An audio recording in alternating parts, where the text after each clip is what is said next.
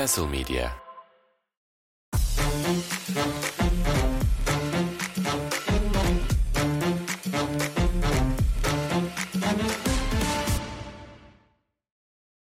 Castle Medya'nın sunduğu Şişkausgas'ta hepiniz hoş geldiniz. Her zaman olduğu gibi ben Savaş Birdal.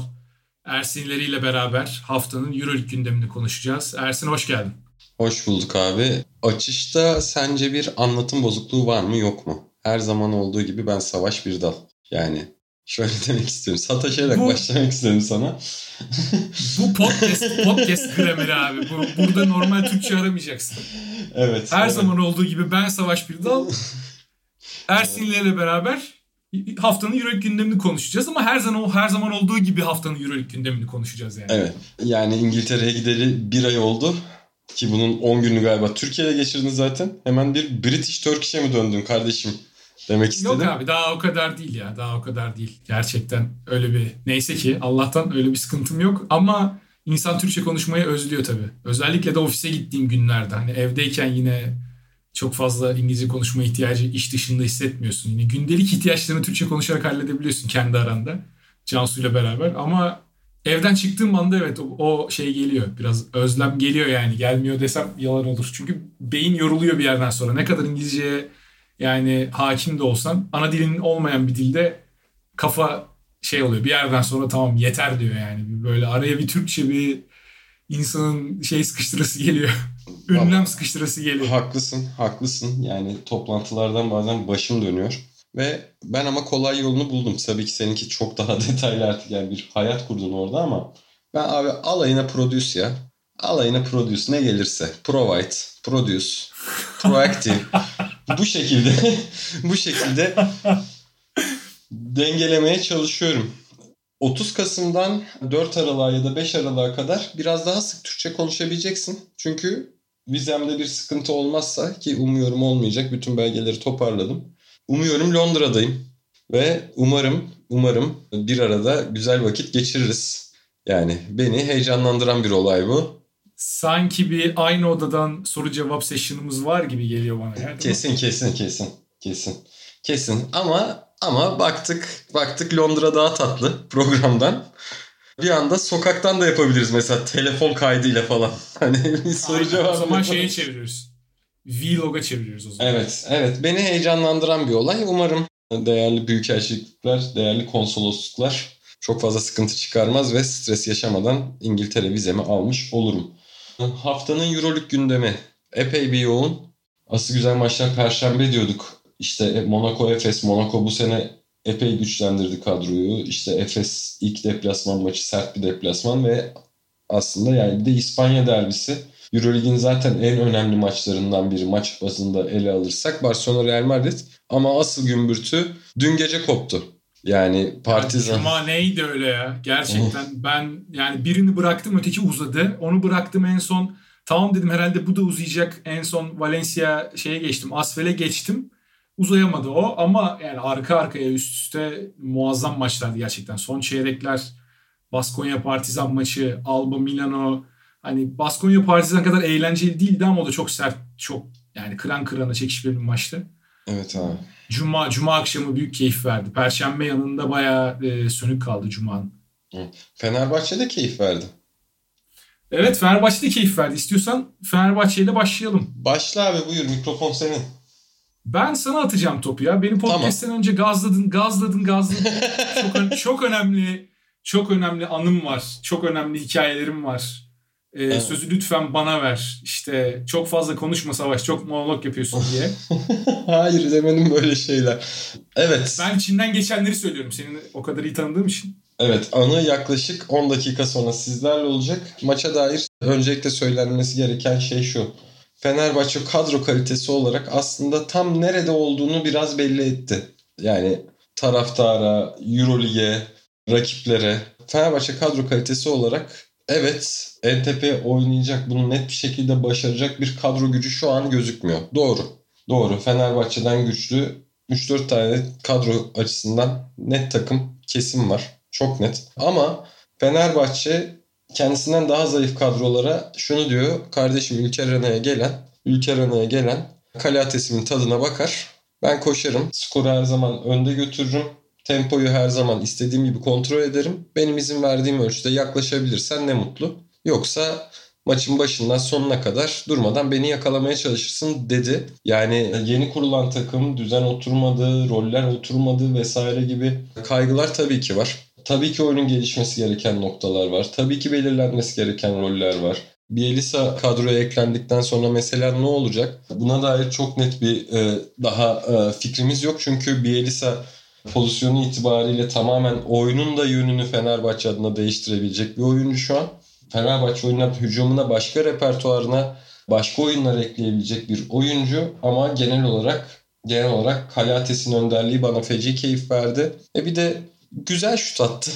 İyi denk geldi. O onu zaten başarabildiğinde yani ilk şutu sokabildiğinde takımlar kendisine önlem almak zorunda kaldığında zaten Kalates hala bildiğiniz gibi Eurolig'in en en büyük silahlarından biri. Ben biraz da sözü sana bırakmak istiyorum. Ondan sonra değinmek istediğim 2-3 nokta var ama senin genel görüşün nasıl oldu? En başta şöyle söylediğin şeye konuşamadım an. Katılıyorum kesinlikle. E, Fenerbahçe için evet belki ilk dördü yani tabii sezona Milano'da sallantılı başladı. Efes'te de sakatlar vesaire var ama uzun vadeli bir maraton olarak gördüğümüzde bu süreci Fenerbahçe ilk dört takımı kadro olarak gerisinde duruyor. Makabi'ye baktığında bu maç öncesi yani Fenerbahçe için belki ölçü olmaz diyebilirsin ama şunu da değerlendirmek lazım. Makabi sezon öncesi yaptığı transferlerle yaz dönemi işte çok formda gelen bir Lorenzo Brown olsun. Gerek işte Bonzi Colson olsun. Ondan sonra Alex Poitras gibi geçtiğimiz senelerde dikkat çekmiş. Aynı şekilde Josh Nebo.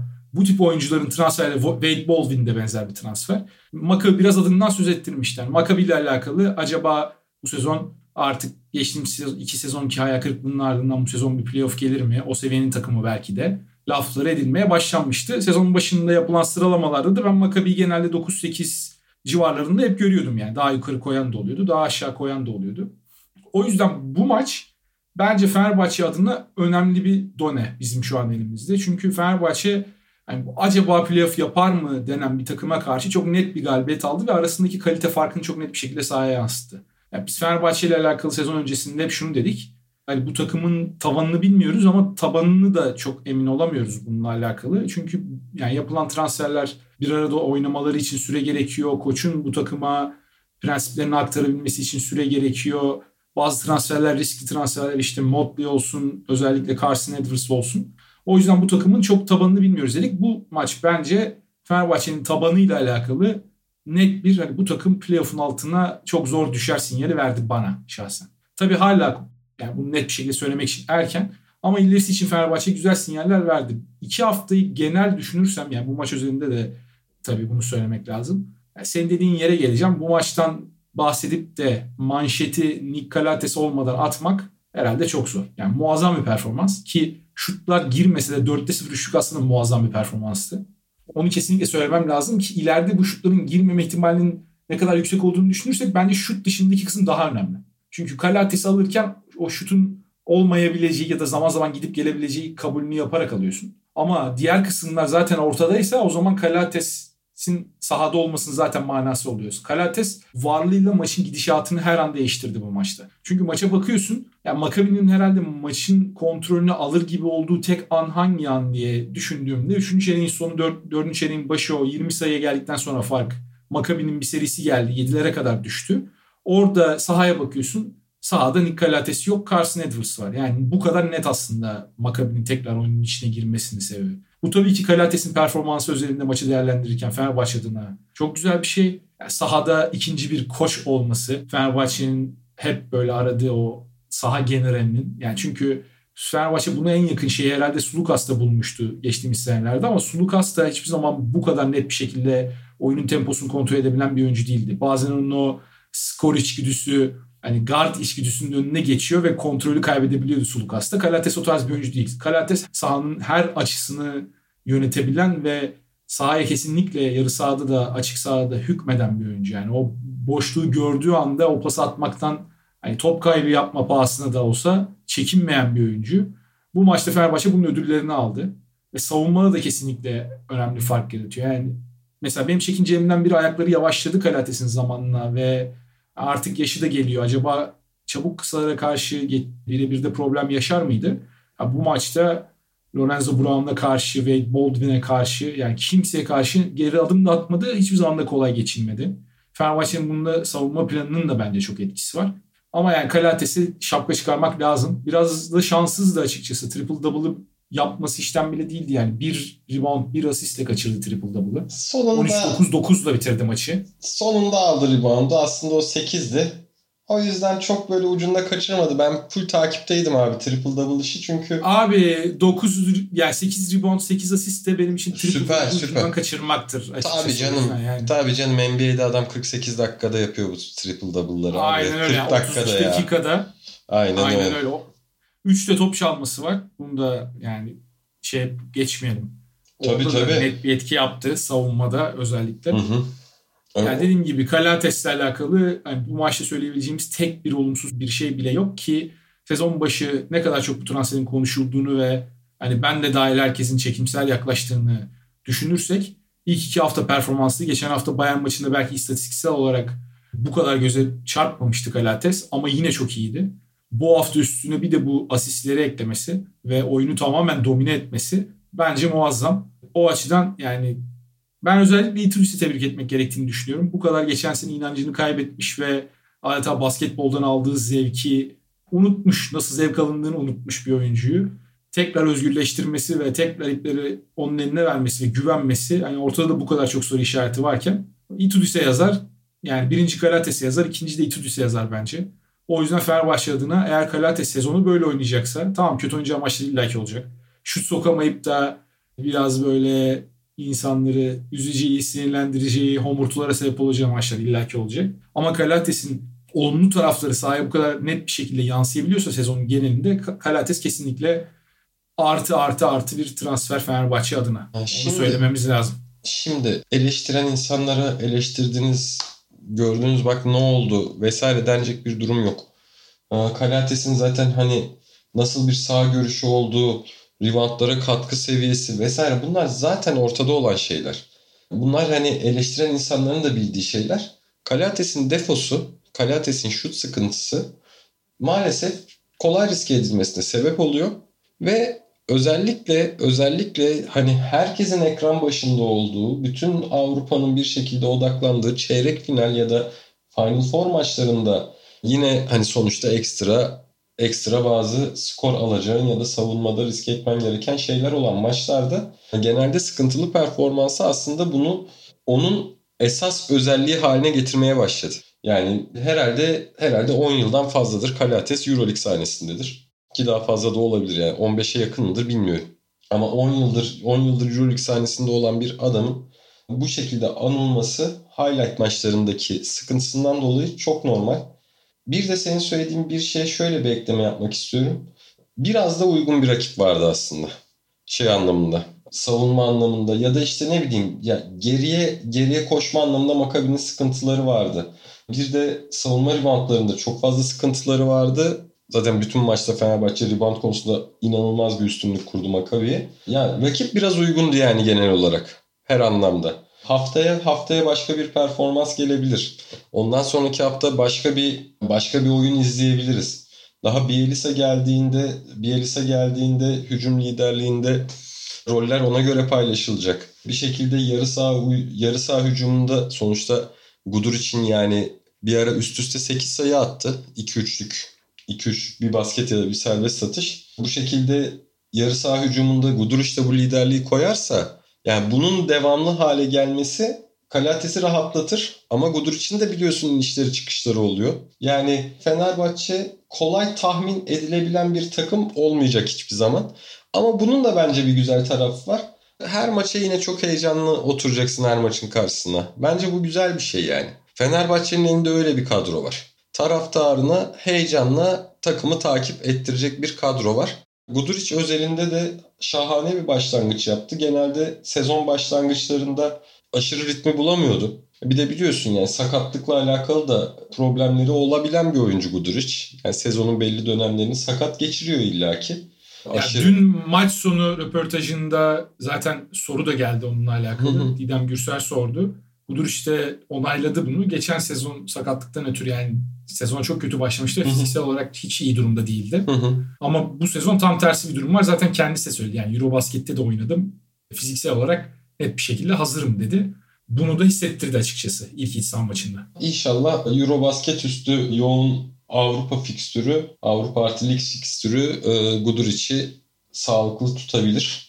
İnşallah. Yoğun fikstür demişken sana hemen soruyla geliyorum. Gel abi. Şimdi Fenerbahçe bu maçta 12 kişilik kadrodan yani 9 oyuncu kullandı. hı. Carson Edwards'ı çok limitli kullandı. 9 dakika sadece. Hı hı. Ama mesela geçen senelerden süre almasına çok alışkın olduğumuz geçen sene özelinde söylüyorum. Yani Şehmuz mesela Hı hı. geçen sene minimum 10 dakika neredeyse o rotasyona girdikten sonraki dönemde hep sahadaydı.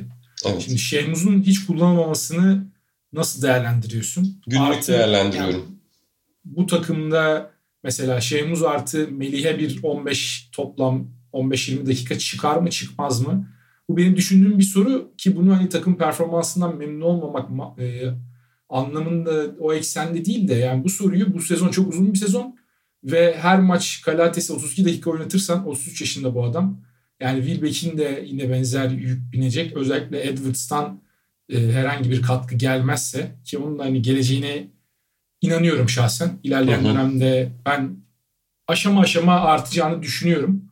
O ışığı görüyorum. Yani yıldız ışığı görmesem de en azından katkı verecek bir oyuncu ışığı görüyorum.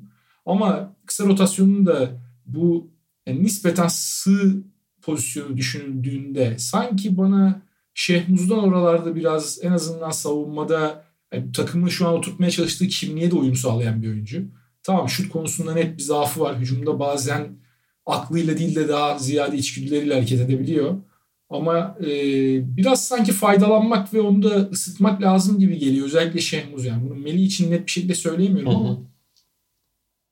Ee, abi günlük de değerlendirilebilir. Hani e, bilmiyorum. Bilmiyorum belki bir sakatlığı vardı, belki bir sıkıntısı vardı. Ee, ya da işte şimdi kadro şuna da Fenerbahçe'de kadro bir yandan şuna da izin veriyor. Öyle bir avantajı var Wilbeck'in gelişiyle. Ee, Fenerbahçe'de Wilbeck'in, Şehmus, Melih, Metecan ve Samet gibi bir yerli beş var. Ve bu bence lig maçlarında 23-25 dakikayı e, rahat dengede götürebilecek kalitede bir 5. Fenerbahçe'nin bence böyle bir avantajı var. İşte e, hafta sonu Konya Spor maçı var. Ve ondan sonra da direkt e, hatta hafta sonu değil pazar Konya Spor maçı. E, sonrasında hemen salı günü Asvel, per- e, salı günü Asvel ya da e, salı Valencia. Şu an emin değilim. Sonra da Valencia Asvel çift maç haftası. Ee, yani e, böyle bir tercih de olabilir. Makabi maçı Makabi maçı e, bundan sonraki gelecek 3 maça göre biraz daha sert bir maç. Ben bu maçta ben bu maçta herhangi bir çeyrek final maçında ya da e, çıkmamı etkileyecek maçta nasıl bir rotasyon hesapladıysam onu kullanayım.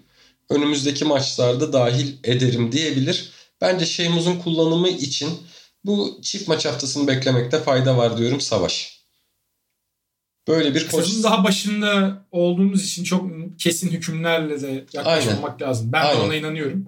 O yüzden zamanla göreceğiz artık. Bakalım birisi geldikten sonra rotasyon tabii daha net bir şekilde genişleyecek. Uzun kısmında orada çok sıkıntı olacağını sanmıyorum. En azından sayısal olarak. Ee, kalite olarak tabii ilk iki maçta göze çarpan en azından benim gözüme çarpan net bir zaafı var Fenerbahçe'nin uzunlar konusunda.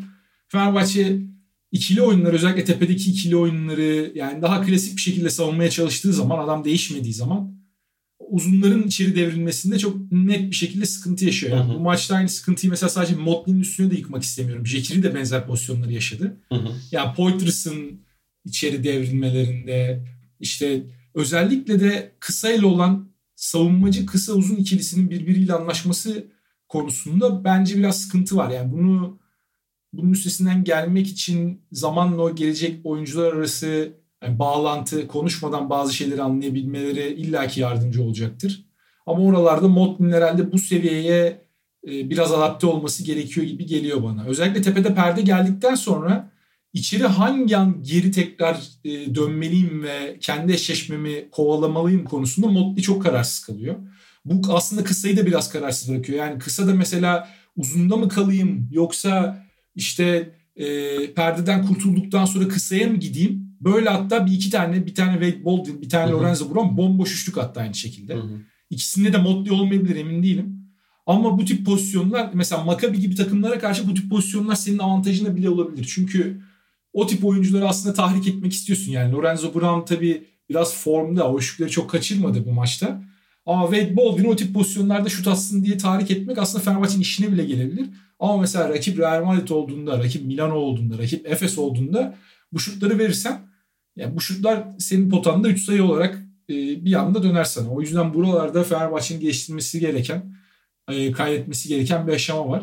Itudis şeyin sinyallerini zaten verdi. Özellikle e, Nigel Hayes Davis'i uzun süreler 4 numarada kullanarak ya Bielsa geldiğinde de ben bunun olacağını düşünüyorum bu arada. Bielsa'nın 5'e kayıp Davis'in 4 oynadığı ve sürekli adam değişilen e, bir formül açıkçası sezon boyunca bana e, uzun süreler kullanılabilirmiş gibi geliyor. Tabii bununla alakalı çok kesin konuşmamak lazım. Geçtiğimiz sezonlarda da işte o Polnara çok fazla 5 oynayabilir vesaire. Tabii, tabii. Uzun süre 4 oynamalı gibi şeyler deyip sonra hiç görmediğimiz oldu. Ama Itudis bu oyun stiline biraz daha alışkın, biraz daha yatkın daha doğrusu alışkın değil. E, o yüzden ben farklı çözümler geleceğini düşünüyorum. Ama tabii bu da yani bir diğer zaafa yol açıyor. Maç boyu çok fazla Makabi'nin hücum ribandı verdiğini gördük ama maç sonunda ben istatistiğe baktığımda yani Fenerbahçe'de neredeyse Makabi kadar hücum ribandı vermişti. Fenerbahçe 18 hücum ribandı almış. Hı hı. E, Makabi'ye bakıyorum. Makabi'de neredeyse değil o da 18 hücum ribandı almış. Ee, özellikle dördüncü çeyrekten zaten. Dördüncü çeyrekten sonra değişen bir istatistik. Ee, üçüncü çeyreğin sonuna kadar, üçüncü çeyreğin sonuna kadar Fenerbahçe reboundlarda inanılmaz bir üstünlük kurmuştu.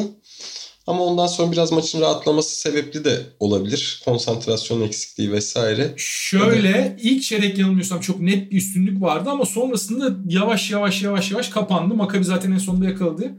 Ya geçen hafta Bayern maçında da aslında biraz bunun e, trailerını gördük diyeyim. Yani Fenerbahçe bu sezon da rebound problemi çok fazla yaşayacak gibi geliyor bana. Çünkü Motley de undersized bir oyuncu.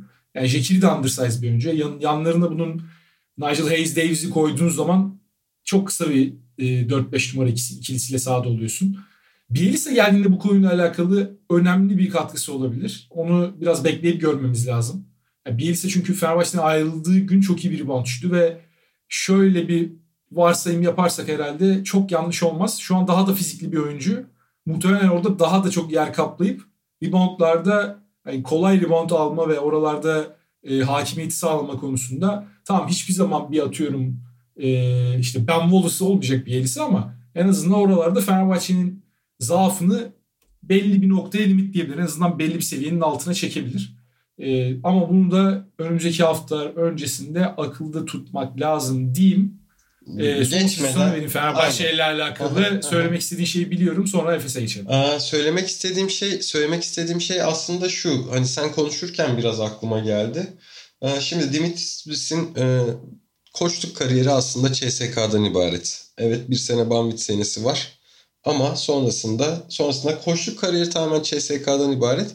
Ve aslında Dimit Itudis kendi dokunuşları illaki olsa da o alıştığımız CSK görüntüsünü, o e, tempolu oyunu, işte e, yarı sahada yarı sahada bazen e, bazen e, şok baskılarla rakibi şaşırtan e, momentumu 3-4 dakika 3-4 dakika eline alıp e, rakibi al aşağı eden ve sonrasında sonrasında oyunu yine kendi temposunda götürebilen bir e, top oynuyordu ama bunu CSK özelinde değerlendirebiliyorduk aslında. Çünkü CSK 20 yıldır aynı takım. 20 yıldır çok iyi bir kadro. 20 yıldır 20 yıldır hep en iyi koşan kısalar, hep çok iyi kısa forvetler vesaire. Ama şu anda CSK oyunundan epey bir es esintiyi Fenerbahçe'de görüyoruz. Yani bu geçtiğimiz iki seneye göre epey bir fark var. Fenerbahçe'nin e, güçlü oyun koyması konusunda yani e, çok fazla e, çok fazla ekstra ekstra paslı şut izledik. Ondan sonra e, çok fazla e, çok fazla Hayes ve Pierre özelinde birebir denemeleri izledik. Yani Edwards tamam yani Edwards evet var yani bir acemilik de ya Edwards'ın mesela devre sonunda noktayı koyan birebiri. Bunlar bunlar aslında CSK'da Itudis'te görmeye alışık olduğumuz şeyler. e, ya da işte e, yarı sahada yarı sahada rakip top çıkarırken bir anda şok bir şekilde e, baskı uygulamak gibi bunları görüyoruz. E, ve aslında Fenerbahçe bir Dimitri Bol oynuyor ya. Hocam hocam ben Dim... şeye katılmıyorum abi.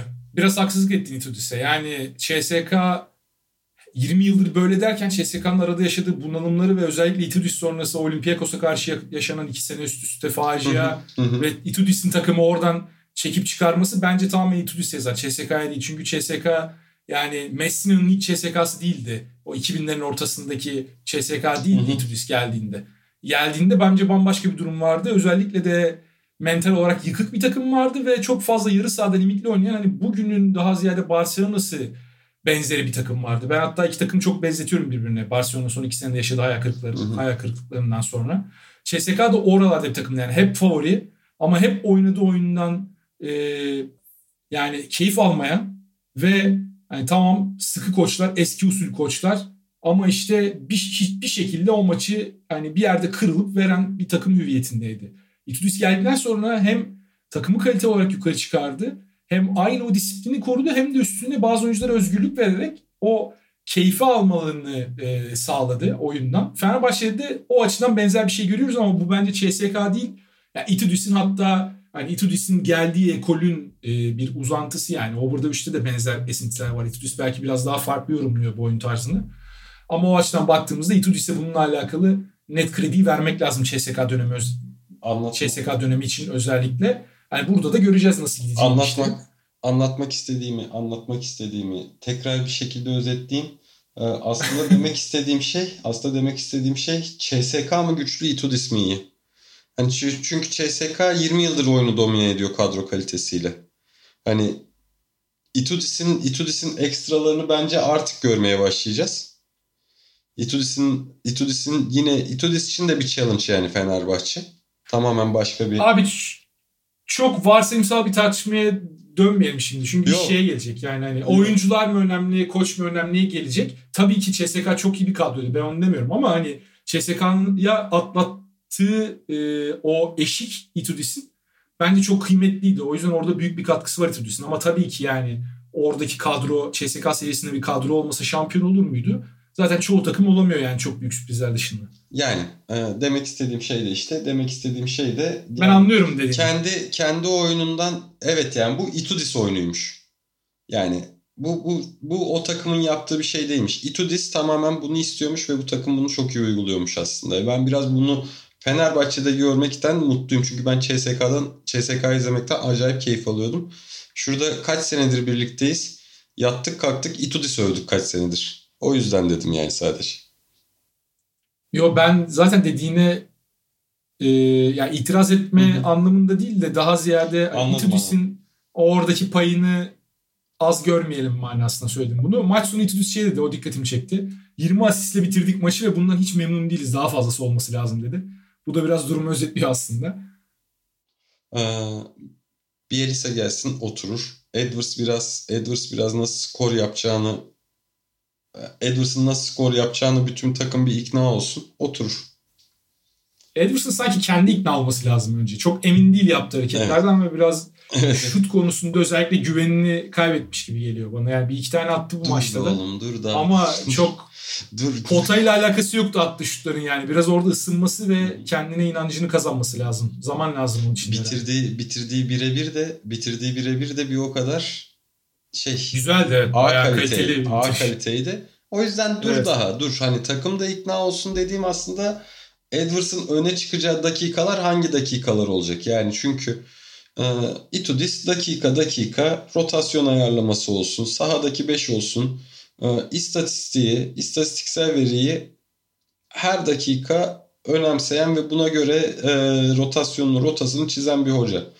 E, o yüzden o yüzden hani herkes bir Edwards'ı nerelerde öne çıkaracağını ikna olursa e, bence skor anlamında skor anlamında işte Fenerbahçe o skoru yapamayan 5'lere döndüğünde orada bir Edwards liderliğiyle her zaman skoru belli seviyelerde tutar.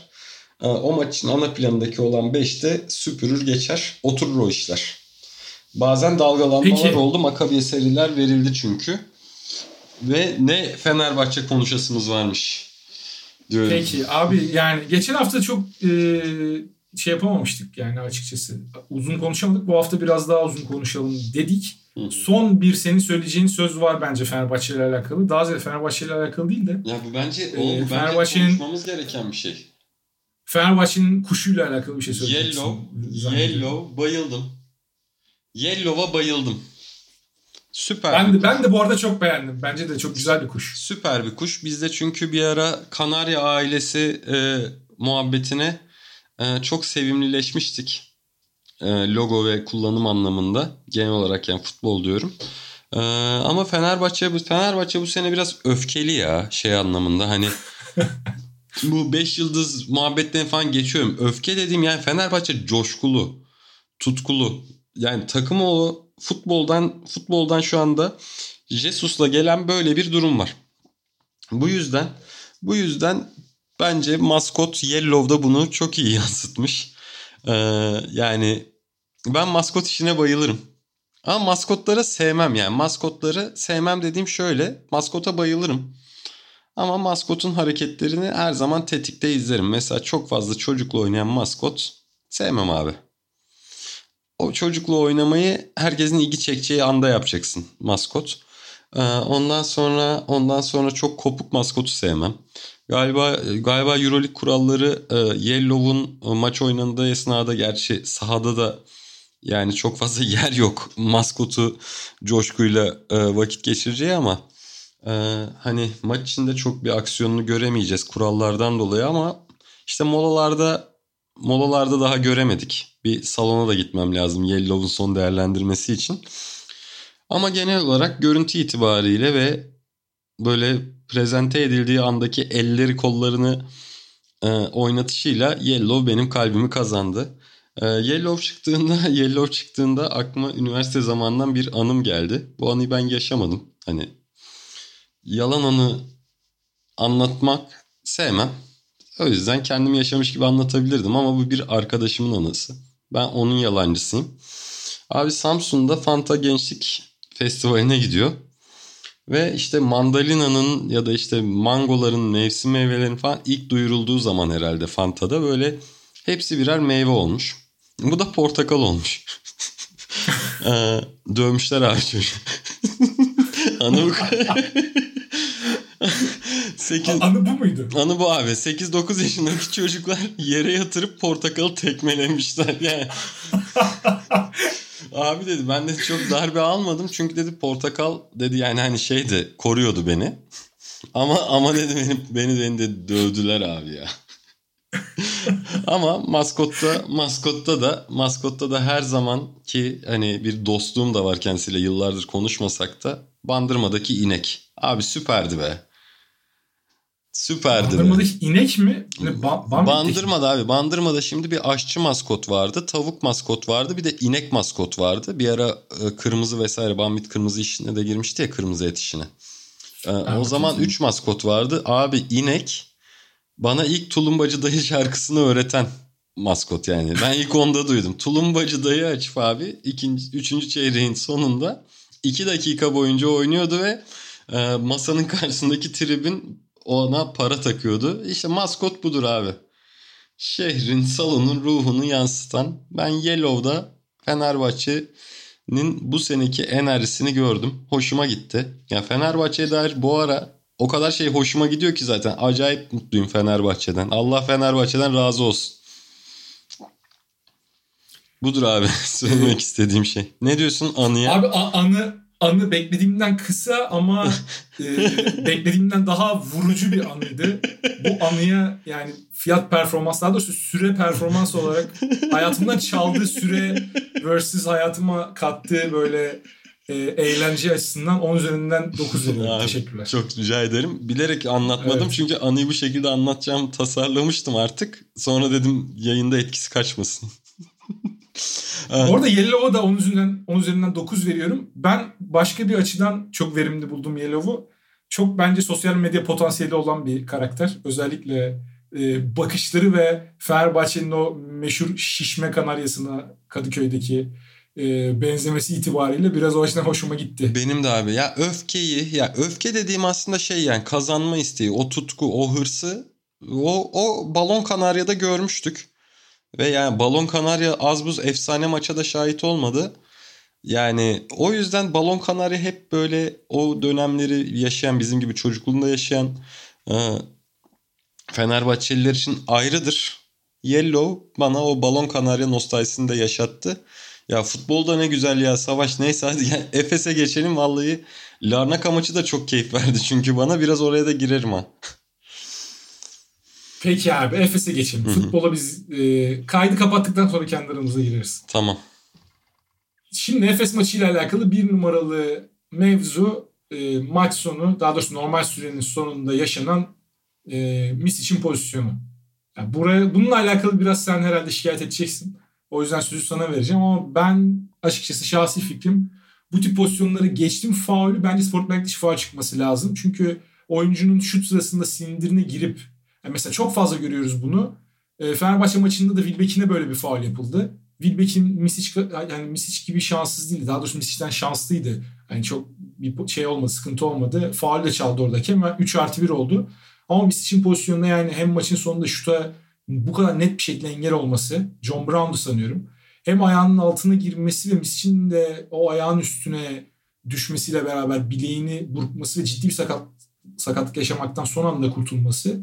Efes bence mağlubiyetten yani bir maçtan çok daha fazlasını kaybedebilirdi burada. O yüzden e, Efes adına hani biraz şey olarak bakmak lazım bu maça. O açıdan da bakmak lazım. E, sen ne diyeceksin yani bilmiyorum. Bana Euroleague de maç sonrası itiraf etti. İşte faul çalınmalıydı bu pozisyonda diye ama yani bu kadar kamera var işte review hakkı veriyorlar falan. Bunu bu kadar boş pozisyonlarda kullanmak yerine böyle daha anlamlı pozisyonlarda kullansalar sanki fena olmayacak gibi geliyor bana. Ee, abi ya şimdi aslında bu hakem hatalı. Hani net bir faul. Hani sportmenlik dışı faul olmalı. Evet vesaire vesaire ama yani o olay olduğu an o faulü çalmayan hakem %100 kusurlu. Ama işte ötesinde ötesinde yine bir aslında genel bir basketbolda video, video kullanımı anlamında bu sefer genel bir kusur var maalesef. Yani e, hakemler 0.2 saniye için epey vakit geçirdiler. Ve bu 0.2 saniyenin e, incelenmesi esnasında durmadan faal pozisyonu önlerinde ileriye geriye başka açılardan vesaire oynadı da oynadı. İzledik. E, işte burada burada tekrar o adaleti sağlamak için kural neden devreye giremiyor? Aslında bir sistemsel sıkıntı bu. Hani burada e, bir şey açısından e, prodüksiyon açısından bunun bir sorunu yok. Hakemler dilediği dakikada dilediği pozisyonu dilediği açıdan e, bildiğim kadarıyla bildiğim kadarıyla 12-14 kamera açısından izleyebiliyorlar. E, ve yani bu önünde olurken bu önünde olurken e, bunu nasıl aa kaçırdık ve maç uzatmaya gitti. Ya bu özür eyvallah bence güzel bir iletişim e, yöntemi ve olması gereken en azından en azından hani e, çünkü hakemler hata yapacak yani bütün maçı videodan izleseler de hata yapacaklar.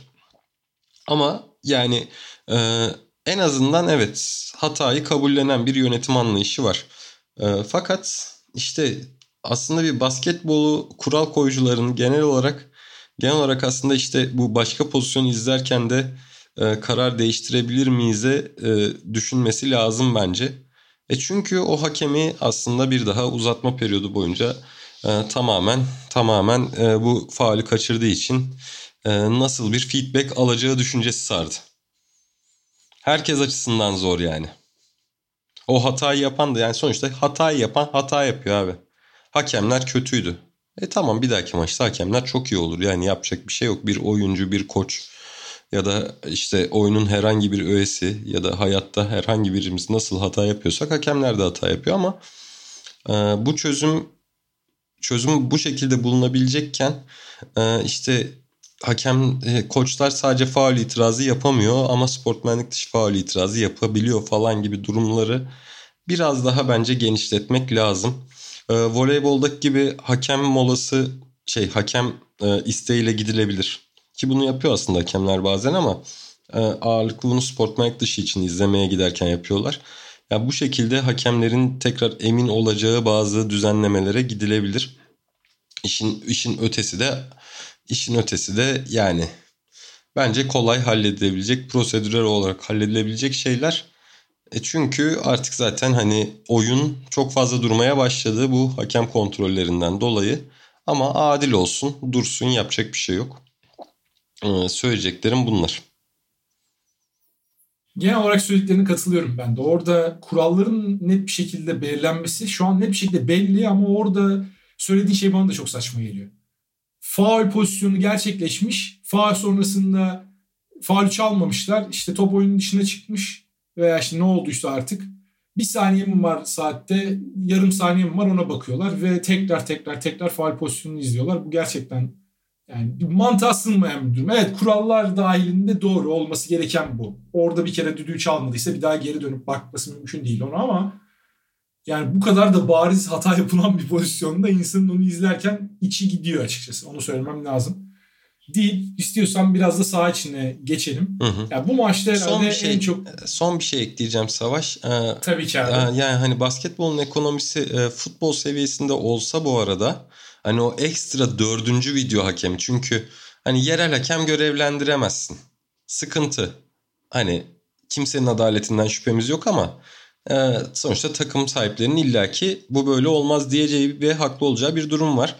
E, hani bu seyahat, konaklama vesaire bu tarz şeylerin maliyetleri e, futboldaki kadar kolay kompanse edilebilir olsa taraflar için büyük ihtimalle aslında şu anda e, o monitörlerin başında büyük ihtimal bir var hakemi oturuyordu zaten hocam bir bakar mısın diye çağıracaktır yani.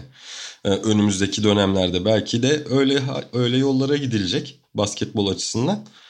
Ee, çünkü NBA'de biliyorsun NBA'de artık 3 e, sayılı ikiliye e, direkt şeyden e, video hakemler çeviriyor. Ya da bazen video hakemler e, direkt e, yönlendirmeyi yapıp e, monitöre e, monitörle alakalı e, görüşlerini falan e, ekstra bildirebiliyorlar. Buna yakın bir sistem EuroLeague'de en azından monitör başında bir var hakemi şeklinde de gerçekleşebilir. Ama maliyet zaten buna herhalde biraz engel. Çünkü hakem sayısı belli, seyahat koşulları vesaire. O yüzden kısmet. Sen sahaya artık geç abi. Artık 60 milyon eurolarını alırlarsa e, Emirates'ten belki o zaman bir 100 Çok güzel olmaz mı ya?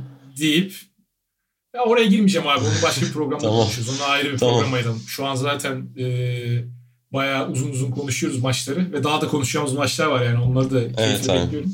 O yüzden e, sağdan devam edeyim biraz. Benim en çok dikkatimi çeken şey bir numara Efes'te yani Misic ve Clyburn'e olması gereken herhalde fazla bağımlı durumda biraz şu an takım. Yani bu maçta Clyburn muazzam oynadı. Bence geçen haftadan da iyi oynadı. Yani e, rakamlar da zaten onu söylüyor. 28 sayı 6 rebound 6 asistle bitirdi Clyburn maçı maçın en iyi oyuncusuydu muhtemelen. Yani Efes kazansaydı haftanın oyuncularından biri olabilirdi. Herhalde bir tek Vezenkov'un gerisinde kalıyordu zaten. Howard'ın. X rating'de de. Ee, ama yani bu hani uzun vadede tabii sürdürülebilir bir şey değil. O açıdan hala Efes'in Larkin'in gelmesine bir şekilde ihtiyacı var. Clyburn 43 dakika sahada kaldı. Ee, Misic 38 dakika sahada kaldı ama maçın sonundaki o sakatlığı yaşamasaydı muhtemelen uzatmanın da başındaki 2 dakikada sahada olacak ve o da 40'ı görecekti. Yani Efes adına bunlar biraz kaygı verici şahsen. Tabii bu zor bir maç. Yani Monaco çok zor bir deplasman. Benim sezon öncesi playoff'a net yazdığım takımlardan bir tanesiydi. Bu maçta da neden olduğunu gösterdiler.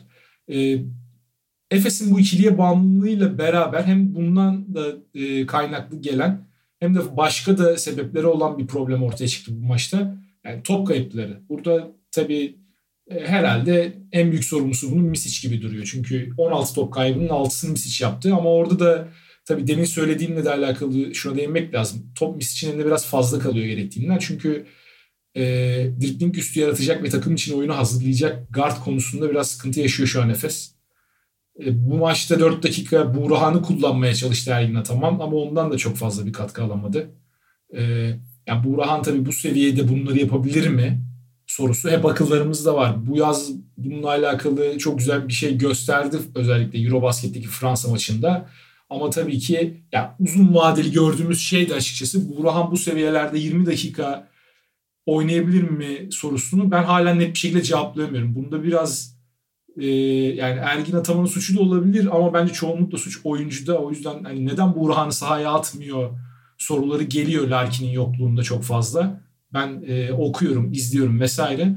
Ben açıkçası yani bir, yazın önümüze sunulan bir maçlık bir e, nasıl diyeyim destekleyici argümanın Buğra'nın tarafından geçtiğimiz 2-3 yılda sunulan total argümanı yenebilecek bir şey olduğunu düşünmediğim için bu konuda biraz Ergin Ataman tarafındayım. Ee, bir şey diyeceğim. Ee, Kalates konusunda dedim ya highlight maçlar genelin fikrini biraz daha etkilerdi. Aslında öyle bir durum var. Yani Buğra'nı Buğra'nı sahaya e, ne kadar atacağı konusunda en istekli, çok fazla atma konusunda en istekli kişi Ergin Ataman'dır. Sadece şey değil, e, lig artı lig artı Euroleague, lig artı Euroleague e, belli bir standartta süre katkısı e, artı artı yüksek yüzdeyle net bir skor katkısı. E, ligde ve Euroleague'de elini güçlendirdi. E, Türk oyuncu maliyeti daha da düşük. Senin belki uzun oyuncuda ya da işte ikinci kısayı, üçüncü kısayı vesaire ararken harcayacağın parayı e, daha iyi bir oyuncuya aktarmana sebep olur. Bütçe açısından sana çok büyük bir avantaj yaratır. O yüzden yani e, Buğra'nın konusu, Buğra'nın konusunda hani niye atmıyor? Ergin Ataman'ın zaten tercih etmek isteyeceği bir şey değil ki. Ya ben de benzer fikirdeyim açıkçası. Yani Ergin Ataman da zaman zaman şans verdi çünkü oyuncuya. Hı hı. Ee, yani ligde tabii özellikle bunu yabancı kontenjanından ötürü net bir şekilde gördük ama ligde de hiç çekinmeden büyük maçlarda bazen oynattı. Özellikle Fenerbahçe maçlarında, final serisinde, önceki senelerde olsun. Bunu gördük. Buğra'nın burada yani bilmiyorum artık Buğra'nın da bu yaştan sonra çok net bir atılım gösterebilir mi ama yani Buğra'nın demek ki ekstra bir şeyler göstermesini bekliyor Ergin Ataman da ona süre vermek için. Ben de onu haksız bulmuyorum açıkçası. Ee, Ek olarak şunu söyleyeceğim. Fenerbahçe'de bundan bahsettik. Bence Efes'te de benzer bir problem var. 5 numara savunmasında Ziz için sahada olduğu sürelerde zaman zaman Plyce'da da ikili oyunları savunmakta e, hızlı devrilen kısalara karşı Efes'te sıkıntı yaşıyor. Ve Efes'in buna ek olarak bence 4 numara problemi de bu maçta ortaya çıktı. Çünkü benim en çok dikkatimi çeken şeylerden biri zaten Polonar'ın Nergin herhalde başlamadan bitirmiş gibi bir görüntü var şu an. Tabii Carson Edwards'ta söylediğim şeyleri söyleyeceğim burada. Daha erken yani zamanla belki Polonara entegre edecektir. Ama Ergin Ataman'ın hani işte geçmiş dönemde Petrushev, işte Canan Musa gibi oyuncularla olan e, maceralarını da bildiğimiz için net bir şekilde Polonara ileride dahil edecek gibi bir şey de söyleyemiyorum. O yüzden Polonara izleyip görmemiz gereken bir oyuncu gibi. Şu an bana ilginç geliyor durumu. E, yazın biraz bahsedilen bir transferdi Fenerbahçe'den nefese geçmesi itibariyle. Bakalım yani Efes'te rotasyonun net bir parçası olabilecekmiş. Şu an Amat Embay onun net bir şekilde önünde duruyor. Embay ile alakalı ya Embay da undersized bir oyuncu. Biraz benziyorlar o açıdan ama Embay biraz daha herhalde Polnar'a karşı e, kıyasla kalıplı bir oyuncu. Yani daha bir tık daha iyi bir şutör ama Embay'ın da şutuna net güvenmek ve o konuda istikrarlı olacağını söylemek biraz güç. Ki Monaco'da maç boyunca buna çok güvendi ve yani biraz hani James Harden'ın üstünde oynuyorken karşılaştığı savunma tarzı bir savunma yaptılar ikinci yarıda özellikle. Top özellikle Clyburn ve Misic'in elindeyken. Yani Embay'ın adamı tamamen Embay'ı bırakıp ikili sıkıştırmaya gitti Misic'e ya da Clyburn'un üstüne. Ki top onların elinden çıksın da hani bir şey yapacaksa bir aksiyon gerçekleşecekse bu ikiliden biri gerçekleştirmesin bunu tarzı bir savunma ve bu da Efes'in düzenini bozdu. Onları biraz raydan çıkardı açıkçası. Yani bu konuda Efes'in herhalde önümüzdeki maçlarda benzer bir savunma başka takımlardan da gelirse değişik önlemler alması gerekebilir. Yani Clyburn'u dörde kaydırmak ve orada e, daha e, daha fazla sayıda hani topu yönlendirebilecek oyuncuyla sahada bulunmak bunlardan ilk aklıma geleni. Ama tabii öyle bir durumda da bu sefer 3 numarada bir sayısal eksiklik ortaya çıkıyor. Çünkü oraya koyabileceğin tek oyuncu kadroya baktığında herhalde şu an Elijah Bryant. Onun dışında da net bir 3 numara görünmüyor. Ee, ben sezon ortasında 4 numara transferi gelirse şaşırmam. Şahsi fikrim. Ee, onu söyleyeyim. Evet, tabii tüm bunları sö- söylerken de şunu akılda tutmak lazım. Efes ligdeki en zor deplasmanlardan birinden bence. Yani tepedeki kafaya oynayacak diğer üçlüyü dışarıda tutarsak bu bence en zor 2-3 deplasmandan bir tanesi. Yani ilk ligin herhalde en zor 6-7 deplasmanından bir tanesi olacak gibi geliyor. Bir kere çok pahalı. Yani Hani yani abi Tuncay Özilhan da düşünmesin pahalı. Yani. Daha arabalar çıkmadı. o yüzden bilmiyorum. ee, şey... Neyse abi yani bu deplasmandan Mis için sakatlandığı bir maçta hani tek pozisyonla maçı kaybetmek bence çok da üzülmesi gereken bir şey değil. Ya Misic, İllaki... Misic sağlıklı işte. Yani tamam abi dediler. Tamam Misic ayakta. Hani Misic sakatlanmadı. Yani feci ya o düşüş anında düşüş anında Misic'in hareketleri Allah dedin ya. Gitti bir yer gitti. Bir de tam topağa falan basıyor. Bir, bir korkuttu. Hani Sağlık olsun be şimdi yani kazadır. Şimdi Efes'in önündeki maçlar Valencia Alba Berlin. Alba Berlin süper başladı. İki galibiyet. Milano deplasmanında 15 farktan geri geldi Milano. Uzatmaya gitti. Oradan uzatmada Milano'da maçı kazanmak muhteşem bir iş. Ama bu iki takımın ben Efes'e gücünün yeteceğini zannetmiyorum. Yine ben biraz de. yine biraz aslında bu iki maçın yani bu 80 dakikalar Fenerbahçe içinde ki Fenerbahçe'de Bielsa eklemesi olacağı için Fenerbahçe'nin yine biraz daha zamanı var. Neyin ne olduğunu net görmemiz için. Ee, ama Efes için ne nerede o 80 dakikanın ortalamaları bence bize çok fazla yanıt verecek. Bence vermeyecek abi. Hadi bakalım. Çünkü ya Efes'in ne olacağını görmemiz için Larkin, Clyburn ve Misic'i yan yana görmemiz lazım. O yüzden bence Efes'le alakalı tamam. herhalde aralığa kadar net bir cevap alamayacağız. Tamam. Ben e, ben 4-5 konusunda şey yapmıştım. E, e, evet oralarda alabiliriz tabii. O öyle. Ee, Ama işte Larkin gelip de sayısal olarak guard açısından Ergin Ataman'ın elini rahatlatmadan Clyburn'u dörtte göremeyeceğiz muhtemelen. Öyle bir sıkıntı var. Şu an Clyburn'u daha ziyade top yönlendirici olarak kullanıyor. Bitirici olarak değil. O yüzden Larkin gelip de o bir kısmını devre aldığında bu sefer Clyburn daha çok özgürleşip hani Embay'ın Polnara'nın yapamadıklarını yapsın diye dörde kayabilir.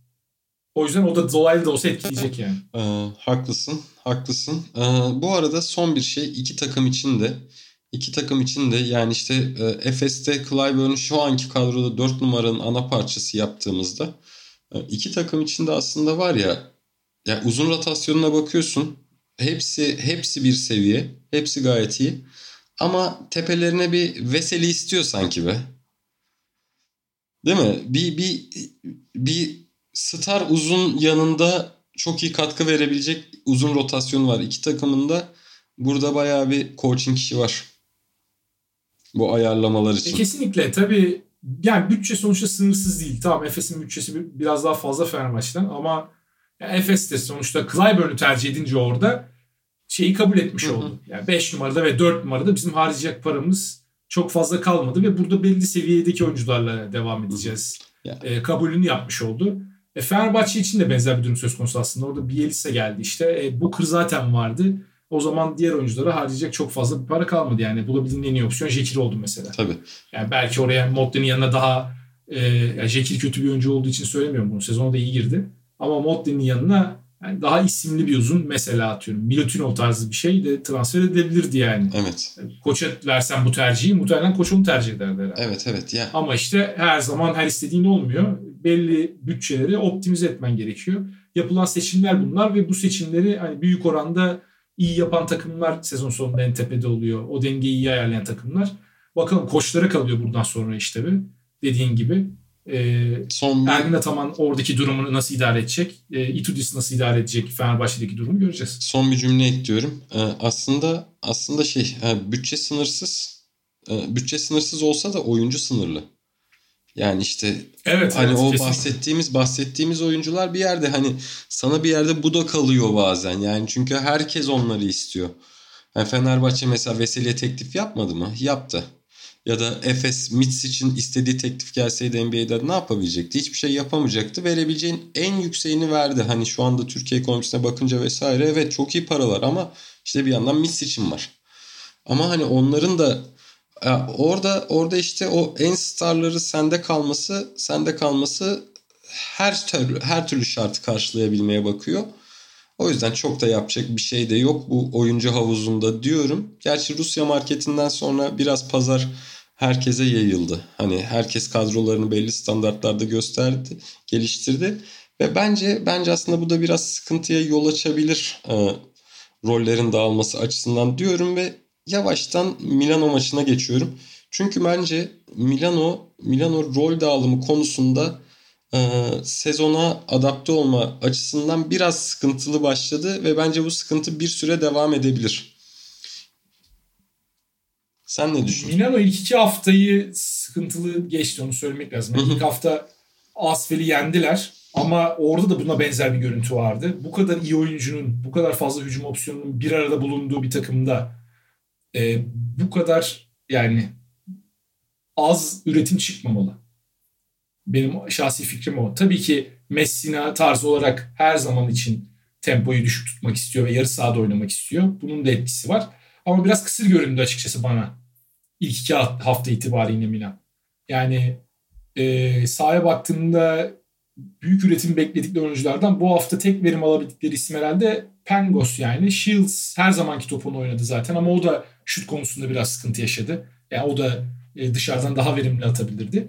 Bunun dışında işte ne Brandon Davis'den bir şey alabildiler ne e, yine bu yaz gelen Deshaun Thomas bir şey verebildi. Melli çok iyi gözükmedi. Dört top, top kaybı yapmış. Hani Billy Bayron ilk hafta kritik rol almıştı. Billy Bayron da hani yani standart bir maç oynadı. Kimse göze batmadı. Yani Devon Hall mesela en kötü maçlarından birini oynadı belki de. 30 küsur dakika sahada kalıp da 3 sayıda kalması. Savunmada iyiydi. Yani öte... Savunmada iyiydi. Evet. İkinci yarıdan itibaren izlediğim için izlediğim için biraz bir devralayım o bazı oyuncu detayları. E, maçı getiren maçı getiren Pengos'un 4-3'lü inanılmaz bir performanstı. E, ondan sonra Melli Melli çok kritik yerlerde çok kritik yerlerde oyuna girdi. Son şut Melli'ye kaldı. Milano maçı alabilirdi. E, kaçırdı. E, ondan sonra hala kenarda işte kenarda Datome oturuyor. Ondan sonra e, Long oturuyor. Ya çok güzel takım bak. Şimdi mesela iki Milano işte iki sene önce Final Four yaptı. Ee, işte Final Four yapan kadroda Final Four yapan kadroda e, şey daha iyi bir kadro bence. Daha dengeli. Çünkü o Rusya'dan Rusya'dan gelenleri e, Rusya'dan gelenleri çok iyi e, adapte etmişler. Yani Rusya Rusya pazarının açılmasından çok iyi faydalandı Milano. Hani bence rotasyonda olması gereken oyuncu bu olabilir dediğin yerde o hamleleri yaptı ama işte Voigtman çok süre alan oyuncu. Davis ki bence iyi performans veremese de Barcelona'da 18-19 dakika ortalamaları vardı. Şu an kadrodaki 10 oyuncudan geçen sene dakika ortalaması olarak en az olan Davis 19 dakika. Yani bu 10 oyuncuya 10 oyuncuya işte maç içinde 200 dakika var ama bu 10 oyuncunun toplamı 235-240 dakikalar yapıyor. İşte bu oyuncuların süresini kısarken e, oyuncular ritmi kaybedebilecek oyuncular oradaki o ayarlamalar Milano'da bence sezonun gidişatını belirleyecek. Hani taban taban muhabbeti yapıyoruz ya. İşte bence bence işte Barcelona Real Madrid dışındaki takımlar, e, Barcelona, Real Madrid, Efes dışındaki takımlardan en güçlü kadroya Milano sahip taban açısından bakıyorsak şey taban açısından bakıyorsak o kadronun ortaya koyabileceği her maçta e, yapabileceği belli ama işte tavanı da bence en şeydeki takım belirsiz takım. çok çok başka bir rol dağılımının oturmasıyla e, başka bir oyunda çıkabilir. Ama işte o oyuncular o oyuncular bu adaptasyonu nasıl sağlayacak orası önemli. Elde malzeme var kesinlikle. Hı hı. İşte sonrası artık Messi'nin evet, abi, evet. Yani ben kadroyu transferlerini de çok beğendim. Hı hı. Kadroyu da beğeniyorum. Herhalde eksik diyebileceğimiz hiçbir yanı yok neredeyse. Evet. Şu anki oyuncu profiline baktığımızda eğer bu oyuncuların tamamı hani bildiğimiz e, kendi standartlarında bir performans gösterirlerse Milano bence sezon içerisinde bir şekilde toparlayacaktır. Messi'nin de bu rotasyonları senin dediğin gibi kimin kimle sahada daha iyi performans verebileceğini çözmesi için biraz zamana ihtiyacı olacak. Ve bu oyuncuların da birbiriyle oynamak için illaki bir alışma periyodundan geçmeleri lazım. O yüzden Milan'ın zamana ihtiyacı var ama ilk iki hafta kötü olduklarını söylemek lazım. Alba Berlin'de Alba Berlin'de gayet iyi bir takım. Ama ya Alba ile alakalı şunu söyleyeceğim. Dün bir tane tweet attım. Yani Maccabi mesela son 7-8 sezondur her yaz 5-6 oyuncu alıyor ama 7-8 sezondur aynı takım Maccabi. yani hiçbir şey değişmiyor sahada. Bunu kötü anlamda söyledim. Alba Berlin içinde tam tersini herhalde yani aynı şeyi iyi tam ters manada söyleyebiliriz. Ya Alba Berlin'de gidiyor birileri. Birileri kalıyor bazen. Hani sürekli bir şeyler değişiyor. Koç da değişiyor ama Alba Berlin aynı takım abi. Yani bu sezonda muhtemelen e, yine bence playoff yapamayacaklar ama ara ara keyif verecekler. Eldeki imkanlar dahilinde gayet iyi işler yapan bir takım bence zaman zaman. Sürpriz de galibiyetler alıyorlar. O açıdan takdir etmek lazım. Yani burada tabii e, Aito'nun getirdiği bir kültür var oraya. Onu söylemeden geçmeyelim yani. O e, ekolü adeta oraya oturtan o oldu. Tabii eldeki malzeme kısıtlı olduğu için bir yere kadar gidebiliyorsun. Yani oyuncular kadar tabii ki koçla konuşabiliyor Euroleague'de. Elindeki malzeme kadar. Ama Alba Berlin'e buradan bir şapkamızı çıkartalım yani bu sonuçla alakalı ve ilk iki haftada iki galibiyet. Çünkü ilk haftada Partizan'ı yendiler yani. O da bütçesi Alba'nın çok önünde bir takım. Ee, abi sana şunu söyleyeceğim. Alba'nın Alba'nın 7 maçlık mağlubiyet serisini iple çekiyorum. O kadar 7 maçlık mağlubiyet serisi yaşayacak takım ki gerçekten bu seriyi iple çekiyorum. Yani şöyle bir 7. 14. hafta arası aa Alba Berlin 4-3 derken bir bakmışsın Alba Berlin 4-10 oluvermiş. Ama öyle olacak ama, zaten ya. Büyük ihtimal öyle ama olacak. Ama işte abi işte abi yani düşününce de düşününce de organizasyon oturdu. Ee, rakip şey yani rakiplerinin şehirdeki ağırlığından dolayı birçok maçını full ve enerjisi keyfi yüksek bir salonda oynuyorsun. Ee, bir ekol yarattın. Kendi oyunun var. Sahadaki sarı formayı görünce diyorsun ki aa ne güzel lan şimdi hücumda bir sürü top dolaştıracaklar. Doğru adam bulana kadar canları çıkacak. Ne diyorsun ne güzel izleyeyim bu maçı. Budur abi takım. Ama o 7 maçlık seri radarımda. Peki abi haftanın maçına geliyorum. Bence haftanın evet. maçı yani. Ama bekle, beklediğim maç değil. Ee, Baskonya Partizan. Muazzam bir maçtı. Yani herhalde Obradovic birini gırtlaklamıştır soyunma odasında. Öyle düşünüyorum. Partizan aldığı maçı verdi. Marcus Howard adeta yani ruhu bedenini terk etti maç sırasında. İnanılmaz bir performans. 8 üçlük attı. Ve yani sonunda maçı uzatmaya götüren üçlüyü de tek başına alıp topu götürüp iki kişinin üstünden sol çaprazdan o üçlüyü sokması. Gerçekten etkileyici bir performans. Ve 23 dakikada 33 sayı. Yani az buz bir şey de değil. İş, işin ilginç tarafı da 33 sayı bir asistle bitirmesi maçı. ee, sen izleyebildin mi son kısmı? Ben bu maçın Keyifle. son ilk e, normal sürenin son 5 dakikasını ve uzatmasını izleme şansını yakaladım. Şey bittikten sonraydı. Alba Milano bittikten sonra herhalde. Yani gitti geldi sürekli maç sürekli bir kaos. Yani çok %100 böyle muazzam kaliteli iki takımın maçını izlemiyorduk ama ortaya çıkan kaos da insana bir enerji ve bir mutluluk veriyor herhalde. Böyle maçlar çok hoşuma gidiyor benim. Benim de aynı şekilde. Ee, yani Howard abi ya işte güzel bir şey ya. Yine yine bir ekol. Yine Baskonya. Yine bir deli fişek. Ee, yine bir maçı tutkuyla yaşayan 1.80'lik e, bulduğunu sıkan bir guard. Abi budur ya. Valla süperdi süperdi Howard'ı izlemek. Partizan açısından işte ben hani biz şimdi yabancı değil dinleyenler. Biz savaşta Fener maçı bitince kalan maçları bölüştük. Ben Milano Alba'yı istiyorum dedim. Savaş ben zaten Partizan Baskonya'dayım dedi. E, Savaş sen biraz daha detaylı izledin. Ben Howard'ın e, şutuna yetiştim. Uzatmayı yine izledim ama hani maç nasıl Partizan'ın tamamen elindeyken bir anda buralara geldi. Hani biraz da bence çünkü Obradoviç açısından Obradovic'in hani Sırbistan nüfusu kadar demeyeyim de Sırbistan'da basketbolla ilgilenen kadar Obradoviç ne yapıyor acaba Partizan'da diye merak eden Fenerbahçe taraftarı var.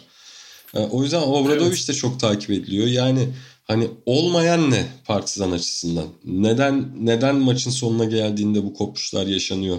Ya da neden Howard'a faul yapmaya bile yaklaşamıyor takım. Ya da Howard nasıl orada şey Howard'da top Howard'a gelene kadar faul yapmaya bile yaklaşamıyor. Ve üzerine üzerine Howard yani orada 30 sayı atan adamın bomboş bir üçlüğünü seyrediyoruz. Ee, uzatmaya götüren değil ondan önceki üçlük. Yani bu, bu nasıl oluyor evet. yani? Hani bu buna sebep ne? Sence burada oturmayan ne? En azından gördüğün, izleyebildiğin kadarı. Bu, bu bence çok bu bence çok enteresan ve gerçekten üstüne düşünülecek bir şey. İzlediğim kısımlardan gördüğüm şey net bir şekilde Partizan'da olmayan şey ne dedim ya. Yani olmayan şey bence karar verici bir guard. Bu takımda topu eline verip de oyunu yönet ve koçun dediklerini sahaya aksettir diyebileceğin bir tane isim yok yani. yani ne e, Dante Exum bu oyuncuyu ne Yanmadar bir oyuncu yani ne de Kevin Panther bir, bu oyuncu. Kevin Panther da muazzam bir maç oynadı bu arada. Bir noktada iş artık Marcus Howard Kevin Panther düellosuna dönüşmüştü. Yani Panther da çok iyi bir skorer, çok kaliteli bir skorer. Ama Partizan'ın aradığı şey o değil. Eğer ki Panther gibi bir skorerin eline sen topu verip de tamam bana skor üret diyorsan Panther'ın yapacağı şey şu olur. Ya Panther o skoru üretir. iyi bir maçındaysa %60 %50 o skoru üretir sana. Ama Panther skor üretmediğinde bir iki şutu kaçırmıştır. Yani başka bir ihtimal yok orada. Yani Panther takımı yönetebilecek ve e, dizginleri eline verebileceğin bir oyuncu değil. Dizginleri Panther'ın eline verirsen hani ne olursun? En fazla işte 2 sene 3 sene önceki Kızıl Yıldız olursun. Dizginlerin Panther'ın elinde gitmemesi gerekiyor. Burada da dizginleri eline alacak oyuncu yok yani. Dante Exum da çünkü tamam e, bazı özellikleri çok kaliteli. Hatta bence Partizan'ın ötesinde kaliteye sahip bazı açılardan ama bazı açılardan da Partizan gibi yüksek beklentiye sahip şu an itibariyle bir takım yönetecek ne tecrübesi var ne saha görüşü var. Yani e, ne de öyle bir oyun fundamentalı var. O açılardan çok sıkıntı. Yani Yan Madar da aynı şekilde. Yan Madar daha da genç bir oyuncu. Onun da o tecrübeye sahip olduğunu söylemek güç. E, burada iş yine işte James Nolan'ın, e, Kevin Panther'ın, e, Papa Petru'nun vesaire eline kalıyor. E, bu oyunculardan da en güveniliri muhtemelen Panther yine. E, o yüzden Panther'ın attığı yere kadar gidebiliyorsun. Savunmada da çok net problemlerim var. E bunları bir araya getirdiğin zaman ortaya vasat bir takım çıkıyor açıkçası. Ha. Doğrusunu söylemek gerekirse. Bir şey ekleyeceğim. Daha da ötesini Partizan'ın nasıl göreceğini ben çok çok göremiyorum. Bir şey ekleyeceğim. Bir şey ekleyeceğim. Bence işte e, Panther her takımda isterim. Exam her takımda isterim. Ama bunlardan biri elimde varsa, bunlardan biri elimde varsa e, topu getirecek, topu getirecek, e, kısayı iyi karşılayacak e, hücumu her zaman organize edecek. Gerektiğinde de skor yapabilecek bir garda giderim. Yani kurulumda bir sıkıntı var aslında. Bütçenin harcandığı yerde sıkıntı var. Yani şöyle o bahsettiğin guard Panther zaten. Hani gerektiğinde topu getirecek, skor yapabilecek. Bahsettiğim, Ama Panther besleyecek yok, kimse yok, yok burada. O, o guard Panther değil. O guard Panther değil. O Panther'ı da daha rahatlatacak guard'dan bahsediyorum. Yani hani yani biraz işte Fenerbahçe'deki yani. O, o topu o evet, topu yani biraz Wilbeck'in yanına çok pardon. Wilbeck'in yanına Kalates usulü bir şey lazım. Ha, yani. Exum oradaki Kalates rolünü oynayabilecek bir oyuncu değil. Aynen işte ya da Campazzo'ya gittilerse Campazzo'ya gittilerse yani büyük ihtimal Campazzo beklemiştir ama hani keşke Campazzo'ya ilk başta gitselermiş. Çünkü Partizan'ın masada yani olduğu konuşuldu. Yok en az... Campazzo biraz fazla e, hayalcilik gibi olur Partizan açısından. Yani Partizan'a gelene kadar Campazzo'nun. Masadalardı. Masadalardı. Sonuçta yani, Exam... Masada olabilirler de yani Campazzo herhalde o fiyatı e, teklifi fiyat arttırmak için falan kullanır gibi geliyor bana. Yani Olabilir. Partizan'a ben çok gideceğini zannetmiyorum. Olabilir ya da Kalates ya da işte ya da Pengos Anladın mı? Yani keşke o bütçe bu tarz bir oyuncuya gitseymiş Exxon bütçesi. Elde Panther varken. Exxon ama o kadar pahalı bir oyuncu değil muhtemelen. Zaten ucuz olduğu için Exxon oraya gitti gibi geliyor bana. Ben de çok ucuz olduğunu düşünmüyorum Barcelona gördükten sonra.